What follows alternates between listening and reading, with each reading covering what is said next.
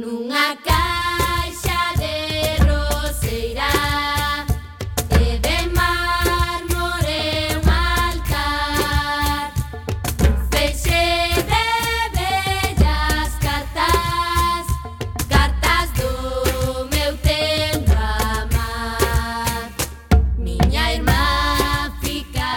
Moi boa tarde de xuño, xentiña recendeira Recebide a benvida a este espazo radiofónico Semanal dedicado á cultura que facemos en rigoroso directo Todos os martes a 7 da tarde Onde aquí no 103.4 desta emisora que non é outra que a Radio Comunitaria da Coruña Cuac FM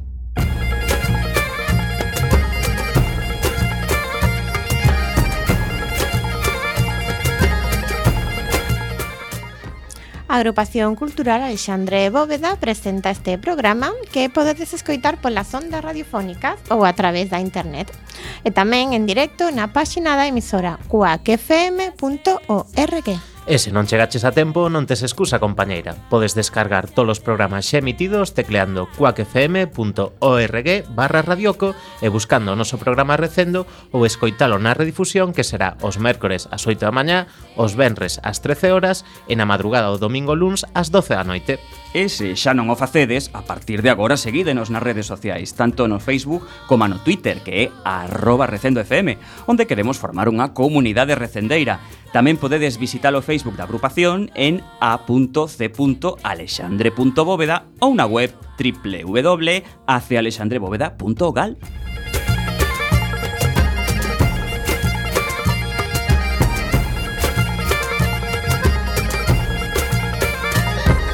E xa sen máis, imos caralo na procura desta fantástica aventura cultural con Roberto Catoira no control técnico e aquí, falándolles coa Almanteira, Manu Castiñeira, Javi Pereira E Gema Millán.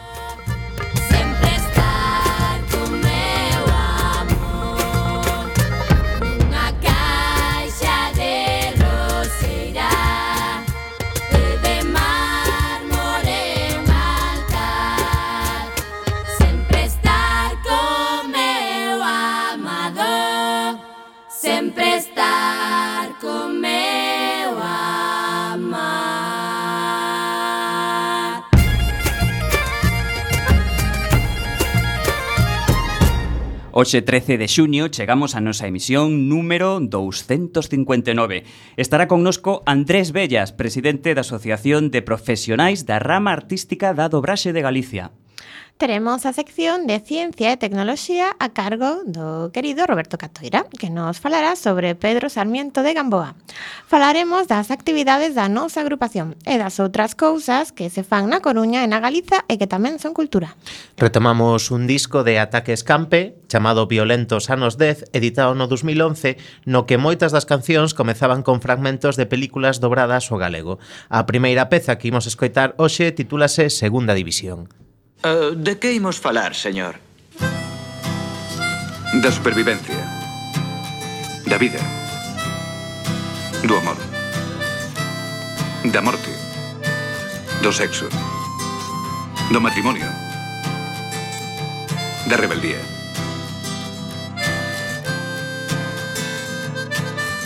Xa de noite e a iluminación da cidade está ben pros verdadeiros fans do soul. Se fose listo sabería valorar que hai mellor lugar. Que as boleiras da área central Son consciente de que hai xente que non está moi ben. Estamos xuntos na fin do mundo máis unha vez. E pensa intensa que podería ser a nosa festa. Baby, come on. Guetos gélidos Asumen a existencia como Celta. En Segunda división Segunda división.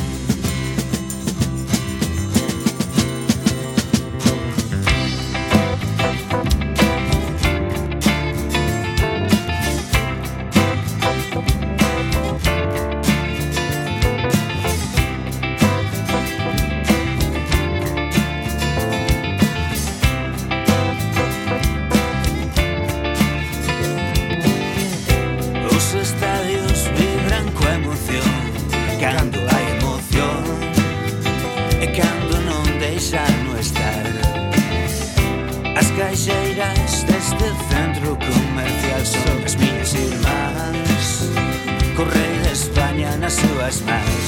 Son consciente de que hai xente que non está moi ben É imposible ser normais unha vez máis E penso intenso que podería ser agora mesmo un saxofón Notas sórdidas asumen a existencia como celtas Segunda División, Segunda División.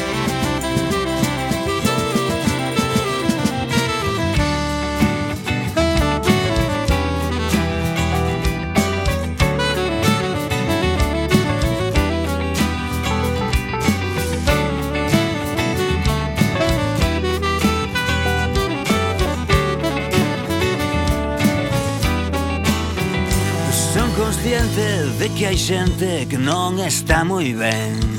Estamos xuntos na fin do mundo máis unha vez.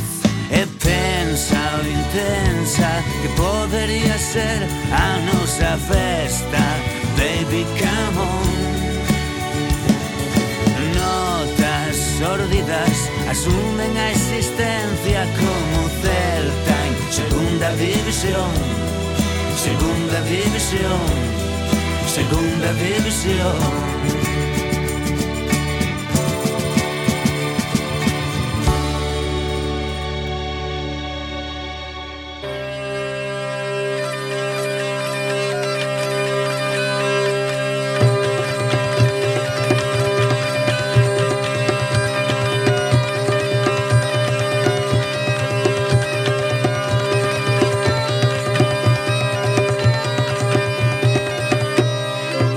Continuamos en Recendo, Cuac FM é o momento das nosas axendas, axendas de lecer, axendas culturais. Comezamos pola que corresponde a nosa agrupación, Asociación Cultural Alexandre Bóveda. Mércores 14, que é mañá, Marcos Maceira, que é o presidente da Mesa pola Normalización Lingüística, vai presentar a iniciativa legislativa popular reclamando que se garanta o exercicio do dereito á información e atención en galego no ámbito socioeconómico. Será presentado por María Xosé Bravo, presidenta da agrupación, no Salón de Actos ás 7 da tarde eh, temos unha exposición fotográfica dende o sábado 17 e ata o venres 30 de xuño relacionado con a campa, o simbólico campo de refugiados instalado nos Xardíns Méndez Núñez. Poderá verse no Salón de Actos da nosa agrupación a exposición fotográfica Marcazi, coa que Carolina Santos Noval e Iria Rodríguez queren amosar a situación das familias no campo de refugiados de Oboc, en Dillobuti da zona do Corno de África. O mércores 28 e o xoves 29 terá lugar o terceiro curso de verán Ciencias Sociais, Educación e Sociedade organizado pola Universidade da Coruña baixo a dirección do profesor Uxío Breogán Dieguez. Nesta nova edición, o de bandito curso centrarase na memoria histórica e cidadanía democrática. Os nosos socios e socias da agrupación Alexandre Bóveda teñen un desconto e só lles custa 30 euros, tedes de prazo até o 25 de xuño.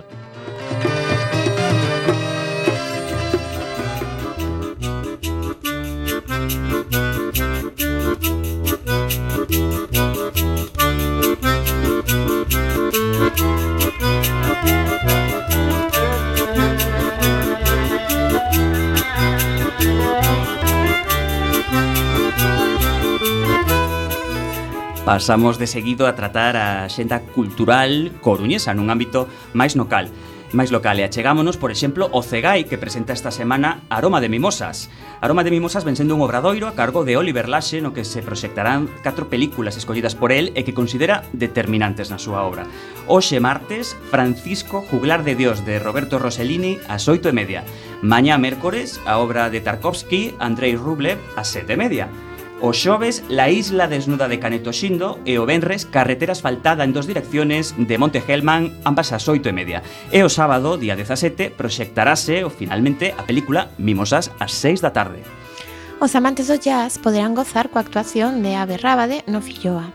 Os pases terán lugar mañá mércores ás 10 e ás 11 da noite. E o venres 16, co mesmo horario, actúa o Carlos Sarduri Quarter – dentro do décimo ciclo de 1906. A Sala Mardi Gras únese á celebración da segunda semana da música coa actuación esta noite da súa banda residente Exit. Será ás 10:30 e, e con entrada de balde. E o Benres, día 16, a mesma hora, será o turno dos amigos dos músicos que veñen de gañar o Premio Martín Kodax na categoría Indie Pop co seu primeiro disco e no que deixan, claro, os seus referentes no mundo da canción popular galega. A semana continuará o sábado 17 coa actuación de Tunduro ás 10.30 e co concerto familiar do domingo 18 ás 7 da tarde con True Mountains. Mira que che digo, si pudiera hablarte desto, no haría esto. Así se chama o espectáculo de danza contemporánea dirixido e interpretado por Janet Novas Rodríguez que poderedes ver no Teatro Rosalía o Benres 16 ás 8 e media da tarde. O venres e sábado no Foro Metropolitano Salmonela Teatro pon en esea La outra orilla de José López Rubiola, unha curiosa premisa narrativa que reunirá a catro personaxes nun chalé dunha zona residencial de Madrid. A función comenzará ás 8 e media. Rematamos co proxecto Acampa, unha iniciativa cidadán integrada por moitos colectivos de diversos ámbitos e institucións, así como empresas con responsabilidade social que dende o xoves 15 ata o domingo 18 instalarán nos xardíns de Méndez Núñez un simbólico campo de persoas refuxiadas. Poderase participar de diversas madeiras, previa inscripción na web do proxecto ou participando nas diversas actividades que terán lugar tanto no campamento como ao longo do ano. Toda a información e o programa das actividades en www.acampa.com campa.eu.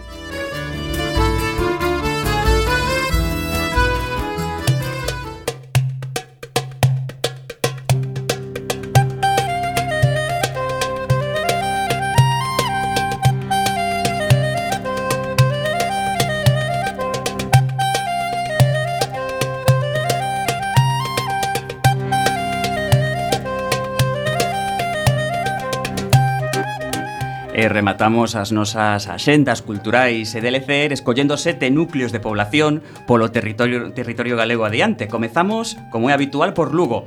O Lugo Language Exchange é unha reunión semanal pensada para quen queira practicar idiomas e coñecer xente de outros países. A cita, informal e gratuita, é todos os martes, por tanto tamén hoxe, entre as nove e media e as once da noite, no Mon Beer and Cocktail, que se atopa na Praza do Campo número 8, dentro da muralla, cunha asistencia estimada de, de, do día de entre 10 e 100 persoas. Imos agora con Ourense, onde podedes trocar a roupa que non queirades usar por prendas das demais persoas participantes e renovar así o vosso armario mentres favorecedes o consumo responsable e o cuidado do medio ambiente. Trátase dun intercambiador de roupa que funciona a prol da autoxestión e autosuficiencia. Celebran xuntanzas os venres do mes de xullo na parte de atrás da tenda de comercio xusto na rúa Bailén, entre as 18 horas e ás 21 horas. Pegamos un chimpo ata Pontevedra con entrada libre, chego derradeiro pase do ciclo Nortametraxes 17 que une cine e jazz o vivo en form e forma parte do 25º aniversario do Festival Internacional de Jazz e Blues de Pontevedra. Trátase de dúas curtas da época muda dirixidas por Jory Stevens e musicadas en directo polo Seminario Permanente de Jazz. Son Choiva e Aponte, mañá mércores ás 8 no Teatro Principal. Vamos un pouco máis hacia o centro, ata Santiago, Quique González, acompañado de los detectives, chega a Compostela con parte do seu repertorio dedicado ao seu traballo de 2016. Unha ocasión para escoitar rock de autor, con ese toque persoal de Quique e que ten xa percorrido salas nacionais, europeas e americanas. Vai ser na Sala Capitol, na Rúa de Concepción Arenal número 5, o Benres, que día 16, ás 9 da noite e baixamos ata Vigo para participar na terceira marcha sobre rodas do domingo 18, un evento solidario organizado pola Federación Aspace. Só hai que facelo con calquera vehículo a rodas sen motor. A marcha partirá ás 12 no pabillón Pablo Beiro e terá un percorrido de 3,6 km entre Bouzas e Samil. Finalizada a marcha, terá lugar a lectura do manifesto da esplanada no Museo Verbum. E despois, sorteo de regalos, comida popular gratuita e servizo de autobús para o regreso. Podedes anotarvos ata o xoves para ter a vosa camiseta e mochila en aspacegalicia.org. Imos ata Ferrol, Shakti Amar Travel to the World ven sendo o festival anual de danzas orientais celebrado co gallo da fin de curso da Escola Shakti Danza de Ferrol, onde bailan alumnas da escola e mostrase o traballo de todo o ano.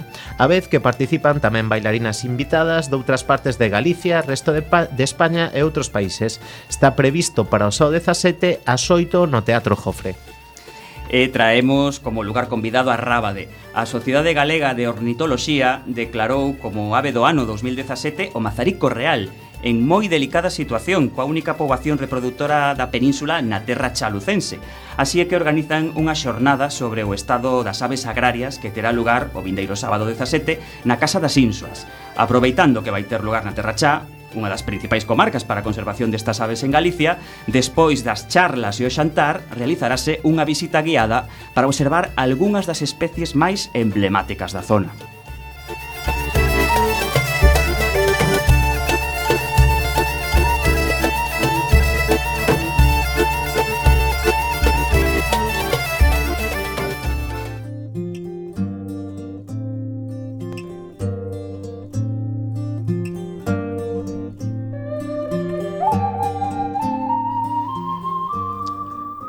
home fala en soños co seu símbolo.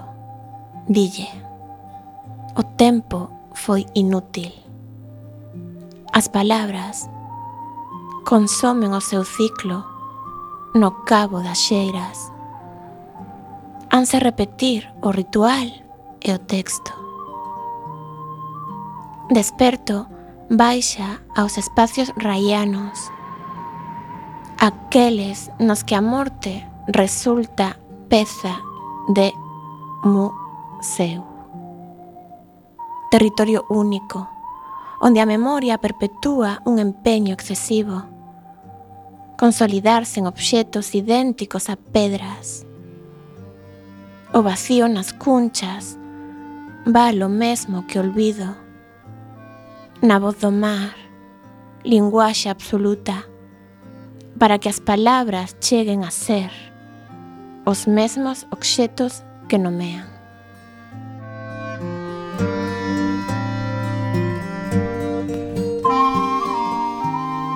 Acabades de escoitar o poema titulado O texto de Xosé María Álvarez Cacamo, pertencente ao seu poemario Praia de Furnas, publicado no ano 1983.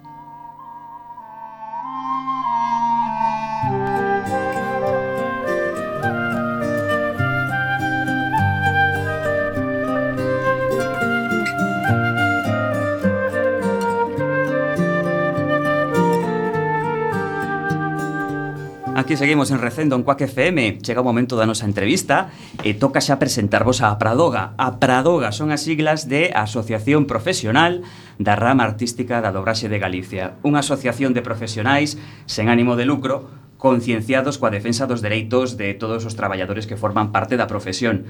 Podemos ter a tentación de pensar que falamos somente de actrices e actores de dobraxe, a parte máis visible, ou mellor dito, máis audible, Pero a Pradoga reúne tamén a directores, e axustadores, adaptadores de texto, por exemplo, aínda que o seu traballo é público e consumido por millóns de persoas, seguen a ser uns auténticos descoñecidos, pois dos actores e actrices somos capaces de recoñecer as súas voces, pero en moi poucos casos somos capaces de porlles cara e nome.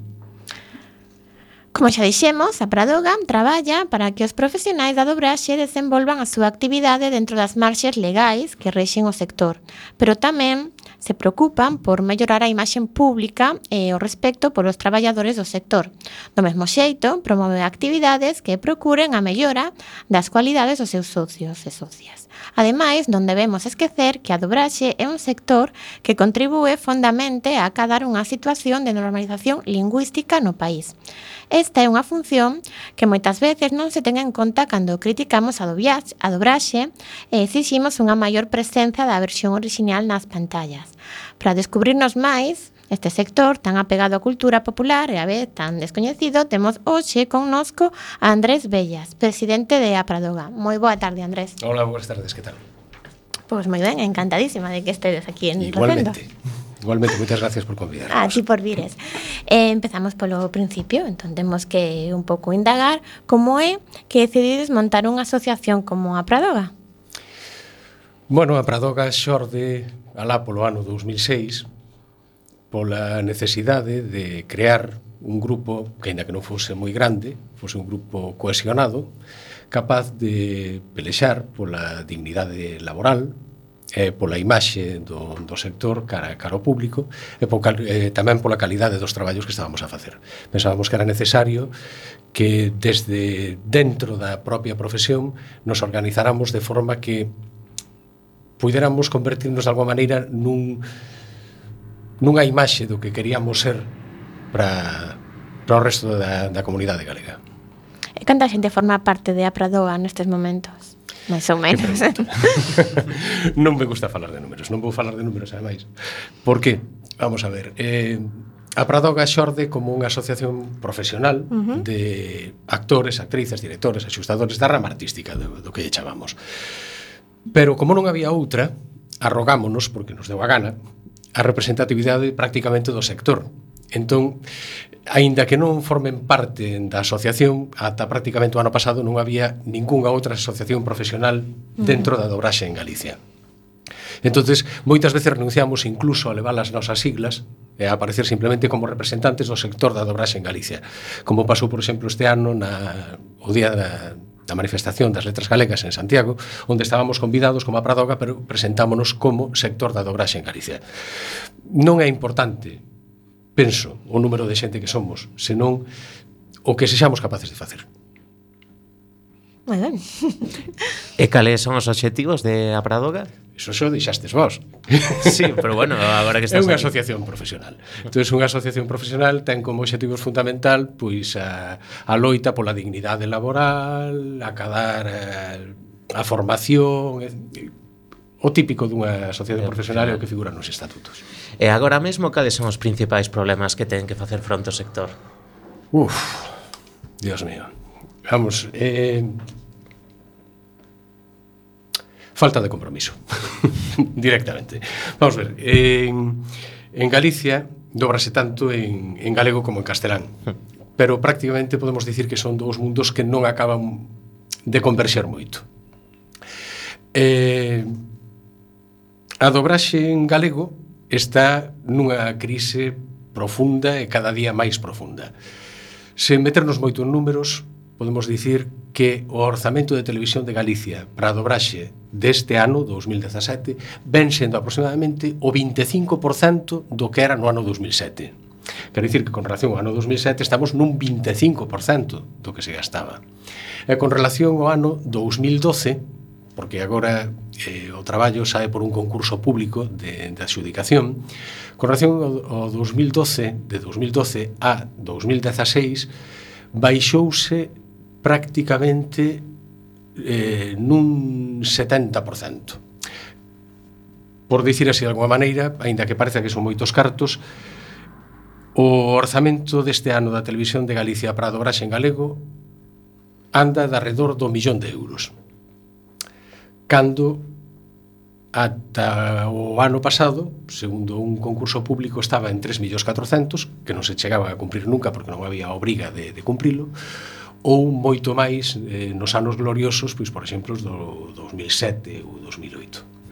Entonces, eh, o sector da dobraxe hoxe por hoxe en Galicia pode estar movendo, pois non sei, un colectivo de, de máis de 200 persoas, porque como dicía, como ben dicía Manuel, non somos só actores, eh, directores, hai persoal de administración, hai traductores, hai adaptadores, hai produción, hai técnicos, eh, entonces é un, un sector industrial que no seu momento tiña un pulo importante que penso que que conviña manter porque conseguimos acadar uns uns niveis importantes de, de calidade, mesmo de éxito, en algún momento, e se facemos números, mal feitos, evidentemente, non? Pero face do cálculo un millón de euros dividido entre 200 persoas, entre 12 pagas, estamos hoxe por hoxe de media, que non sería así certo, en salarios de, de subsidio, de, de prestación contribu non contributiva. O sea, 400 e pico euros ao mes. É mentira, eh?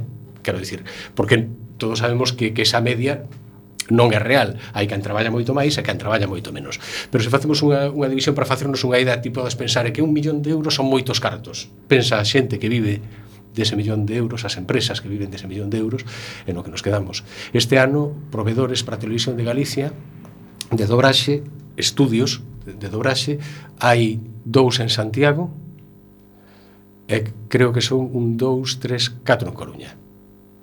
O sea, hai seis alá polos anos 90 había máis de oito só na cidade da Coruña.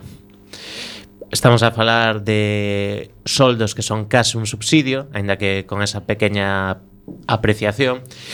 Pero para que nos fagamos unha idea de cantas horas se pode traballar nunha película en relación o que percibe o actor, digamos, directamente, cantas horas se tarda en dobrar unha película? 90 minutos. Bueno, antes antes deso, se me permites, sí. eh, quereche comentar, ademais, como traballamos. Hmm. Eh, quero dicir como traballamos. O nos, eh, a nos, nos non, non somos contratados das empresas. Hmm. Nos non somos contratados da televisión. A xente pensa que traballamos para a televisión ou cousas así. Non, non. Nos traballamos eh, baixo unha forma de contratación curiosa que se chama contrato verbal diario. Cada día que traballamos, chamannos, chaman por teléfono e dinme, Andrés, podes vir a traballar pasado mañá? Eu digo, e sí, pola mañá ou pola tarde? Pola mañá, eh, o traballo de pola mañá é de 8 a 2 e media e pola tarde de 4 a 10 e media. Pois pola mañá, ah, vale, vale, pois nada, non teño compromiso ningún. Ese día, esa empresa dame de alta na Seguridade Social e automáticamente, cando acabo de traballar, dame de baixa. Co que eu teño unha cotización á Seguridade Social. Entón, abondando no que dicíamos antes, hai unha precariedade absoluta. Hai unha precariedade absoluta porque eh, nos momentos nos que había moito traballo, pois traballabas moitos días e podías ganar máis ou menos cartos. Hoxe por hoxe, xuntar cotizacións para cobrar unha prestación de desemprego ou pensar nunha xubilación é algo horroroso. E con relación á pregunta que facías mm. ti, eh, Sigo insistindo, non somos só actores, actrices, directores e tal. O proceso da, da dobraxe é complicado. Chega un guión e chega, pois imaginade, unha película. Chega co seu guión e a súa imaxe. Envíaselle a un estudio de grabación. O estudio mándallo a un traductor. O traductor fai a traducción dese texto, devólvello ao estudio. O estudio, unha vez que ten a traducción feita, fai o que se chama o corte en produción que é dividir a película en fragmentos que non superen os 30 segundos ou as, dúas, as 10 liñas de, de longitude que é co que se traballa despois en sala. E ademais, con eso saben cantos actores interveñen por guión e a magnitude da intervención de cada actor.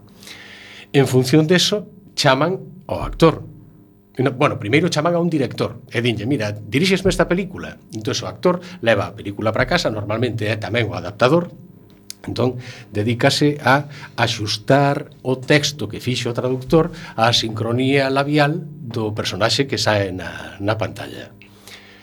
O director, ademais, fai un reparto no que asigna os personaxes da película aos actores que van poñer a voz.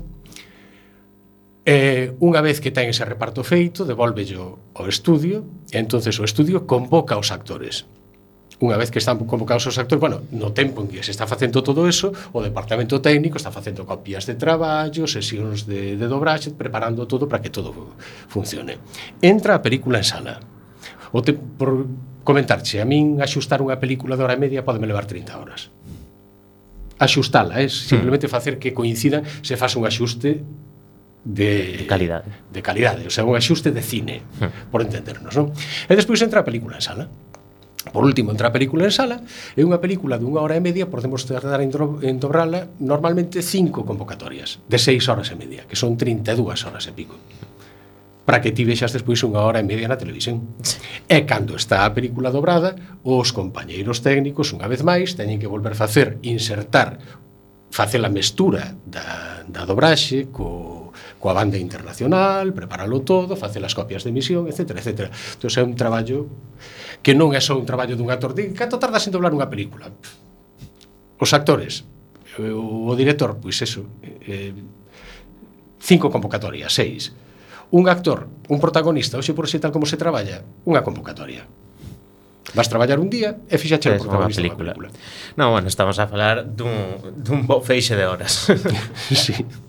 Bueno, imos facer a nosa primeira pausa musical, seguimos escoitando Ataque Escampe. Neste caso, o tema é Once Upon a Time, a Terra Chá. Terma me disto, rapaz. Sei que me declararon a guerra. Música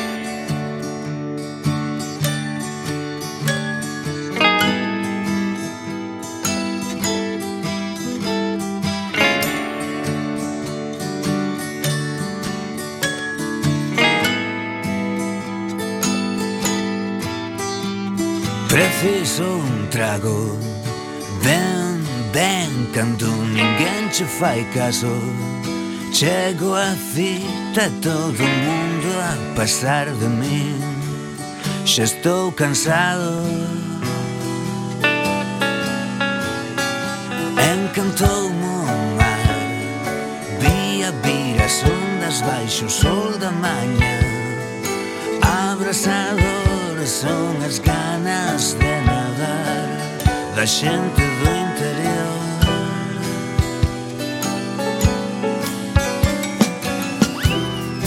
Non vou a festas e non teño paz A guerra de secesión é un drama familiar.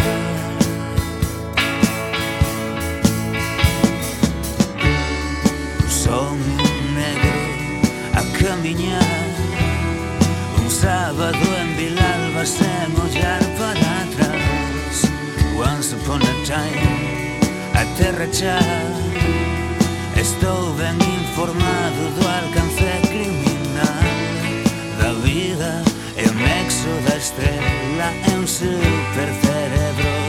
Será culpa súa ou deste inmenso efecto placebo?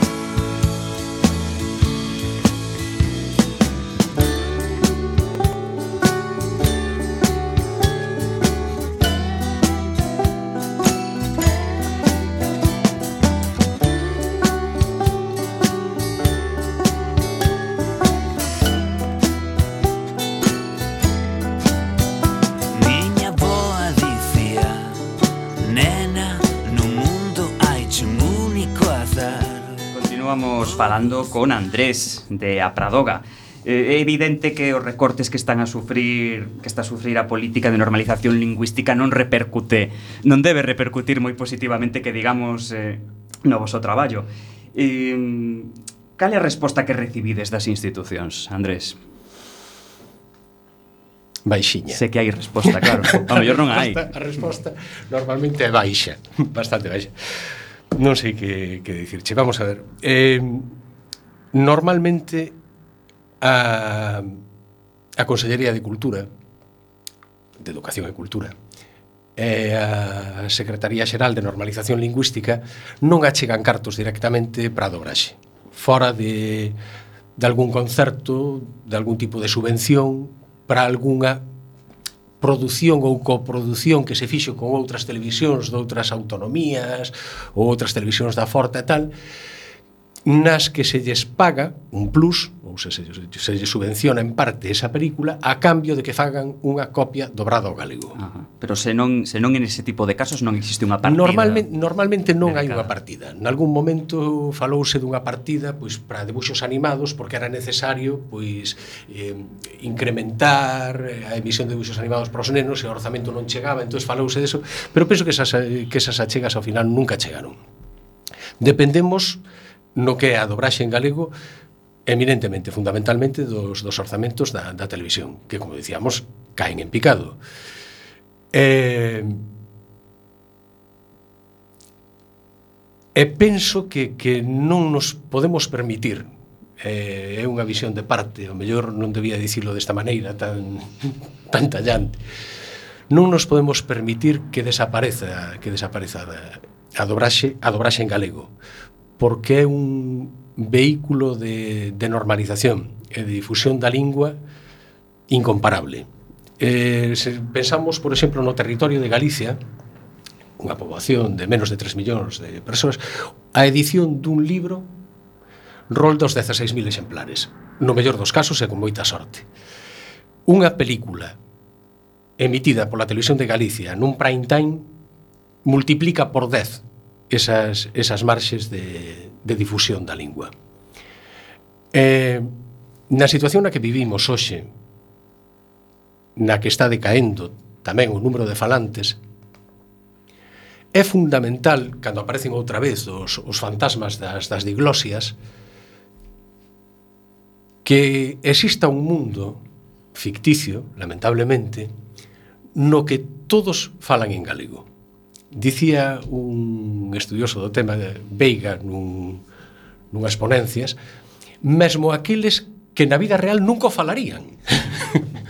entón, esa, esa inmersión que se pode facer na, nese mundo ideal no que fala en galego JR, A, a máxia da ficción, non? Un millonario ou no que os xuíces falan en galego nos, nos tribunais, os médicos falan en galego nos hospitais, eh, no que todo o mundo fala, fala en galego. Esa, esa ficción contribúe realmente a contribúe realmente á difusión e á normalización da lingua. E así o recoñece a Real Academia e, e o ILGA, que sempre dixeron louvaron a calidade da, do galego da dobraxe como, como creador e difusor dun estándar de lingua e mesmo aconsellaban incrementar as horas de dobraxe de tal maneira que houbera unha maior difusión da, da lingua galega a través dos medios de comunicación audiovisual. A realidade non é esa a realidade podemos botarnos aí falo moitísimo, eh. Vos, Estás aquí para falar. Que o que dices está moi bendito, moi ben explicado, Andrés. Cortadme Encantados de, de oírte, de aprender. Vamos a ver. Eh, empezamos esta historia, podemos collela no ano 1983. No ano 1983 o Parlamento Galego por unanimidade saca adiante unha lei de normalización lingüística. Esa lei de normalización lingüística lévase á práctica 11 anos máis tarde, no 2004, co Plan Xeral de Normalización Lingüística, no que, tamén aprobado por unanimidade, hai unhas medidas estratégicas no que é o mundo da cultura para a difusión do galego, etc. etc. Entre esas medidas había unha que era que se dobraran ao, ao galego as 10 películas con maiores perspectivas comerciais de cine para estrear en salas comerciais eh, do ano. O sea, cada ano 10 películas nunca se chegou a facer. Eh, ese mesmo plan de normalización lingüística de 2004 recomendaba que se chegara a acordos coas, cos grandes eh, exhibidores e, as, e distribuidores para que incluíran a versión en galego dentro dos DVDs. Tampouco nunca se chegou a facer. Por que? Pois eu penso que, que moitas veces é porque a min non me vale. Dicir, é que a situación económica non, non o permite. Porque cando non hai cartos ten que haber compromiso e ten que haber imaginación. Por exemplo, eh, eh, din, eh, é que as películas en galego en sala comercial non teñen demanda. Bueno, pero que as leis de mercado dignos que a oferta tamén crea demanda. Se non tes oferta, malamente podes chegar a ter demanda. Efectivamente. Como podes implementar unhas medidas tal como estamos hoxe co, coa situación da nosa lingua como está de discriminación positiva cara, cara ao galego nas salas de cine comercial. Sería tan complicado chegar a un acordo de tal maneira que o cine dos días de promoción ou os días do espectador fose cine en galego? estivera dobrada a película ao galego. Ti pensas que a xente saíndolle máis barata a entrada ia plantexarse por un segundo se ia ver en galego ou en castelán. Iba a ir a vela na sala que é máis barato.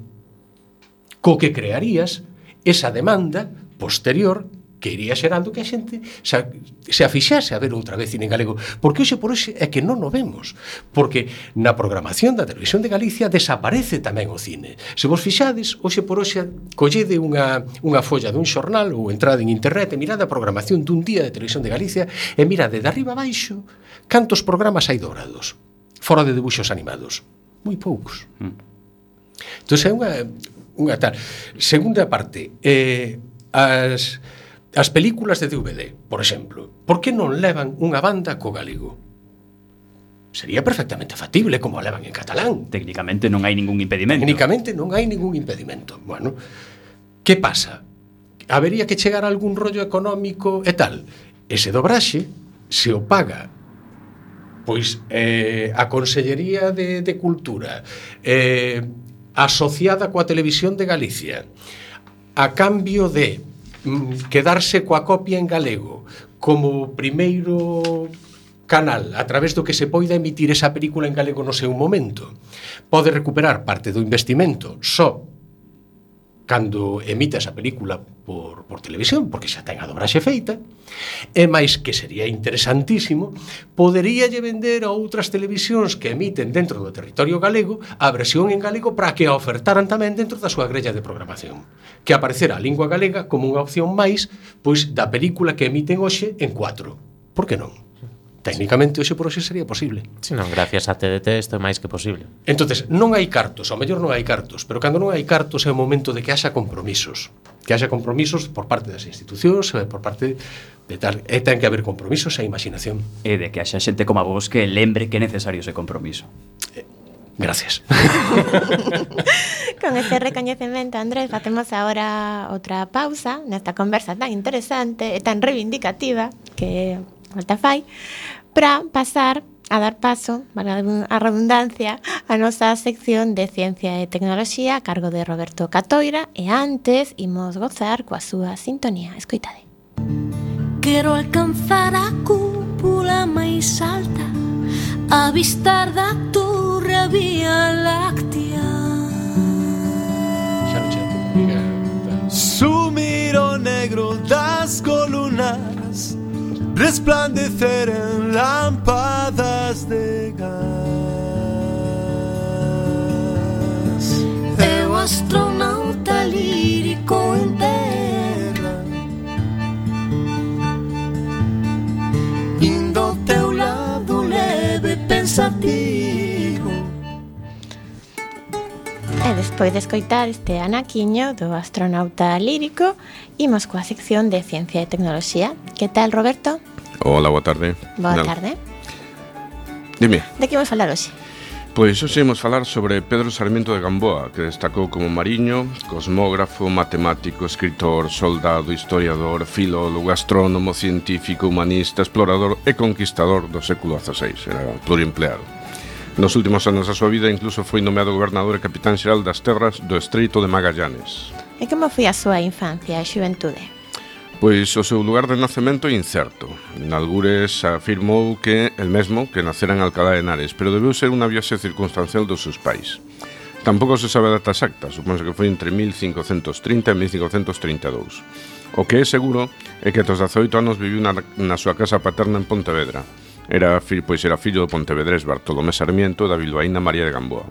Despois marchou para o servizo militar, onde serviu no exército de Carlos I de España e estivo en México, onde tivo problemas coa Inquisición e marchou a Perú, onde viviu máis de 20 anos e tivo os principais éxitos da súa vida. E como foi a súa etapa en Perú? Pois chegou ali en 1557. Dedicouse a completar a súa formación mariñeira estudando cosmografía, xeografía e náutica. En dúas ocasións volveu ter problemas coa Inquisición por denuncias como feiticeiro e nigromante. Parece que era malo de ferrar, como, como, como Pondal, que xa falamos aquí hai pouco. Foi condenado ao desterro, pero o arzobispo conmutoulle a pena para que integrara como capitán dunha das naves a expedición ao Océano Pacífico que finalmente descubriría as Illas Salomón e Vanuatu. A intención desta expedición era chegar a Australia, pero por un error de navegación non o conseguiron e outra posteriormente uns anos máis tarde si chegou. A súa volta foi nomeado cosmógrafo xeral do Perú polo virrei. Entre 1570 e 1572 viaxou polos poboados incas e escribiu a Historia Índica, que contén unha descripción xeográfica do territorio, unha historia dos incas e unha historia do descubrimento e conquista polos españois ata o ano 1572. E que legado nos deixou e como foi o seu final? Pois, entre outras cousas, deixou a admirable descripción do Golfo da Trindade e do Estreito da Nai de Deus. Eh, tamén deixou recomendacións para a navegación dos canais patagónicos e do Estreito de Magallanes, que foron ensalzadas polos hidrógrafos modernos que trazaron as cartas definitivas, como, por exemplo, o vicealmirante Fitzroy. Eh, a obra de Sarmiento ten dúas características a súa variedade e a cantidade. Nelas emprega un rico vocabulario, viveza na linguaxe e unha gran capacidade descriptiva. Finalmente hai que destacar as súas inquedanzas culturais, xa que a, a súa facilidade coa pluma denota o contacto cun foco cultural de primeira liña, pois, por exemplo, era capaz de conversar en latín. O lago Sarmiento de Gamboa, un dos maiores de Chile, está ubicado dentro do Parque Nacional Torres del Paine, na rexión de Magallanes e da Antártica chilena, e honra a súa memoria. E para rematar con esta prolífica biografía diríamos que o 17 de xullo de 1592 faleceu mentres dirixía unha flota cerca da capital portuguesa. Os seus restos están sepultados nalgún descoñecido lugar de Lisboa que algún día poderemos explorar. Mm, bueno, pois pues moitas gracias. Quedamos con esa intriga, Roberta. A vos, e sigamos con Andrés, que nos está dobrando a todos. Como ben di Roberto, sigamos a falar con Andrés Bellas, presidente de Apradoga, Asociación Profesional da Rama Artística do Obraxe de Galicia. Eh, Últimamente, o consumo audiovisual en versión orixinal gañou bastante popularidade. Eh, isto afecta a profesión ou é indiferente para vos? que nos, ver, dis, que, nos dis, que nos dis? No, no, eh, é ti que me vas responder. Aí, empezo eu. Bueno, eh, aí imos entrar na, na discusión eterna de dobraxe versus versión original. Eh, eu entendo que, que a miña profesión, que a dobraxe, é unha traducción. É eh, unha traducción audiovisual, pero non é máis que unha traducción. Entonces, a traducción desvirtúa o original? Sí. A traducción é unha ferramenta necesaria? Tamén. Eh, cando lemos un, un libro, pois de Shakespeare ou de Walter Whitman, non se nos pasa pola cabeza pensar que estamos lendo unha traducción, cando normalmente é o que estamos facendo. Por que esa traducción está perfectamente asumida e asimilada por toda a sociedade cultural que lee as obras literarias, a poesía traducidas, e se denosta e se critica a unha traducción audiovisual que é a dobraxe. É unha ferramenta máis. De todas formas, penso que é unha crítica mm, dentro do que cabe minoritaria, é dicir, o gran público non se perde neste tipo de, de reflexións, non crees? Eu penso que que, que non se perde. A maioría da xente o que quere é comodidade. Eh, para ver unha película en versión original, tela que ver en versión original. Quero dicir, non podes ver unha película en versión original con subtítulos. Por qué? Porque se estás lendo subtítulos estás perdendo parte da imaxe que está aparecendo na pantalla. Porque se estás lendo, porque os subtítulos agreden tamén a, ao conxunto da obra audiovisual, porque están tapando. E cando hai un subtítulo riba do outro subtítulo, que xa hai que poñer unha banda negra para poñer letras amarelas por riba, bueno, eso xa é terrorífico. Ademais, Cando se fai a traducción para a dobraxe e cando se fai a adaptación, esa adaptación é moito máis fidedigna co que pode ser a traducción que aparece nun subtítulo. Por qué? Porque por motivos técnicos o número de caracteres que poden entrar nunha pantalla nun determinado momento están perfectamente determinados. Entonces, o que che poñen nos subtítulos é un breve resumen de la obra. É moito máis eh, nese sentido é moito máis fidedigno o que é a dobraxe. Que perdes a interpretación do actor? Sí, pero é que teóricamente os actores de dobraxe tiñamos que ser imitadores para intentar imitar no máis posible un original que temos diante. Se o actor de dobraxe é un creador, cagámola. O que hai que facer é intentar ser absolutamente fiel e intentar seguir un por un os matices e os xestos que che dá o actor que sae na pantalla, para ser o máis fiel posible, precisamente, a ese original, para pervertilo o menos posible. Sigo dicindo, penso que é unha cuestión de, de comodidade.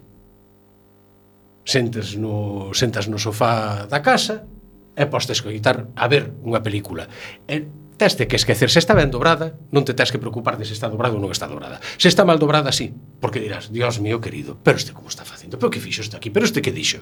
Entonces, eso sí, ahora, cando os produtos están cuidados e a dobraxe está ben feita, eu penso que, que o espectador acaba evadíndose da, da dobraxe para disfrutar do que é un, a obra que ten en pantalla. O sea, un traballo moi ingrato porque o dobrador só destaca cando fai mal.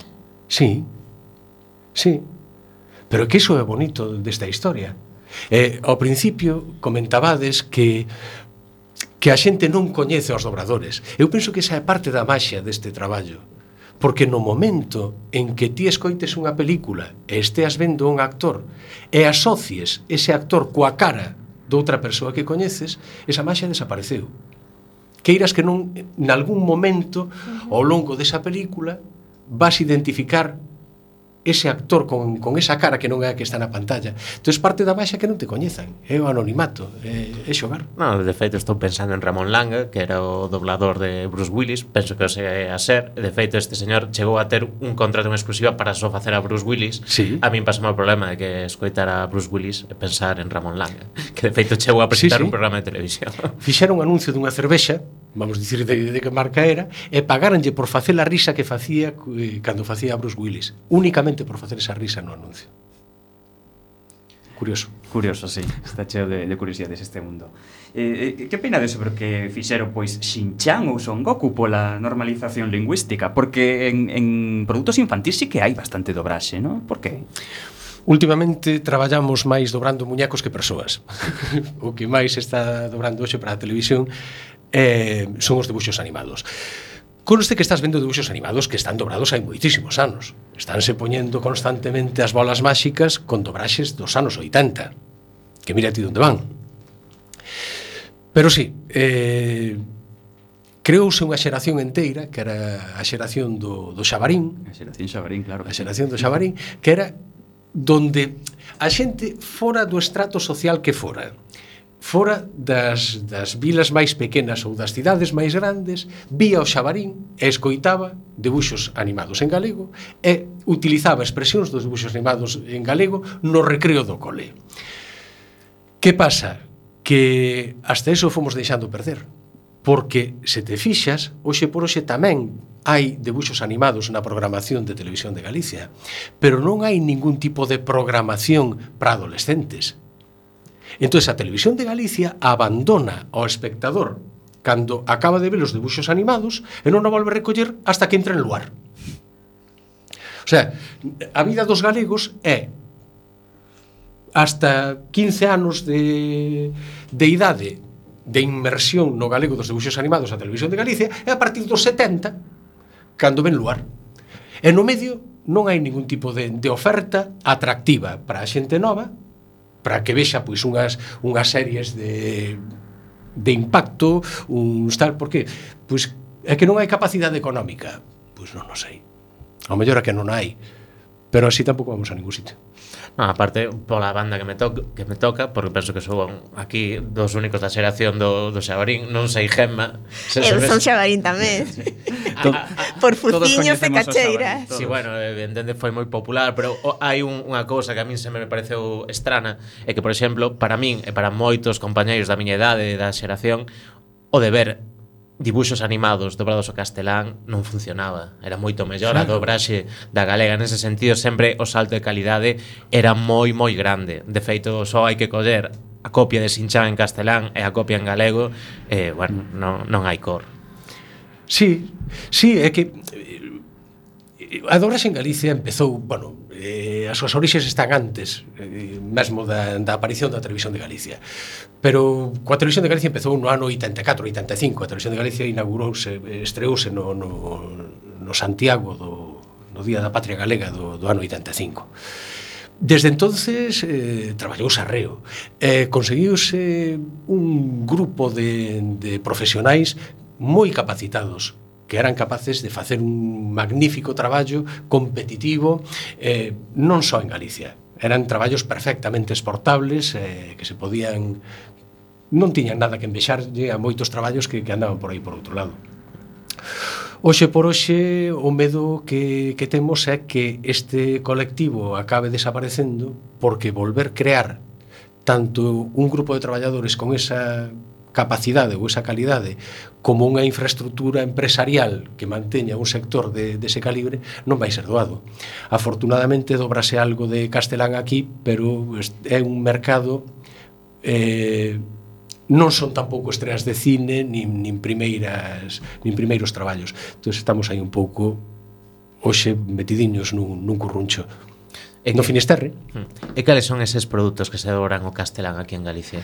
Últimamente, fora tamén de algún, de algún debuxo animado que se fai, eh, hai unha empresa que é unha empresa que ten de, é unha delegación en Galicia dunha empresa xaponesa con que tamén ten en Madrid e tal, que é sede internacional, entón aí traballan tamén para Disney e fan algunhas cousas.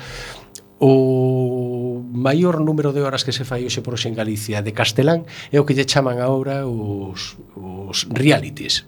Ese tipo de programas magníficos nos que che contan como fan unha reforma nunha casa, como como adelgazan 300 kilos, eh, cousas así. Sí, o... Que son, son traballos que non son unha dobraxe real, o sea, non é unha interpretación, simplemente prácticamente é un traballo de locución, é unha especie de, de voice over que hmm. na que vas pois contando un pouco o que está aparecendo en pantalla. Sí, porque xeralmente escoitase, eh, aínda que sexa un pequeno anaco da voz original desa persoa que estamos. Baixo por debaixo e tal, entonces bueno, sí, é unha é unha dobraxe e hai moitas horas de dese traballo, pero non é o, o traballo gratificante de cando se fixeron aquí, pois eu que sei, eh, Parque Jurásico, o último gran héroe Eh, Os Cowheads, eh, Cuidado con a familia Blue e tal, que eran películas que se dobraron en Galicia, lamentablemente a conta dunha folga no ano 90 e tantos.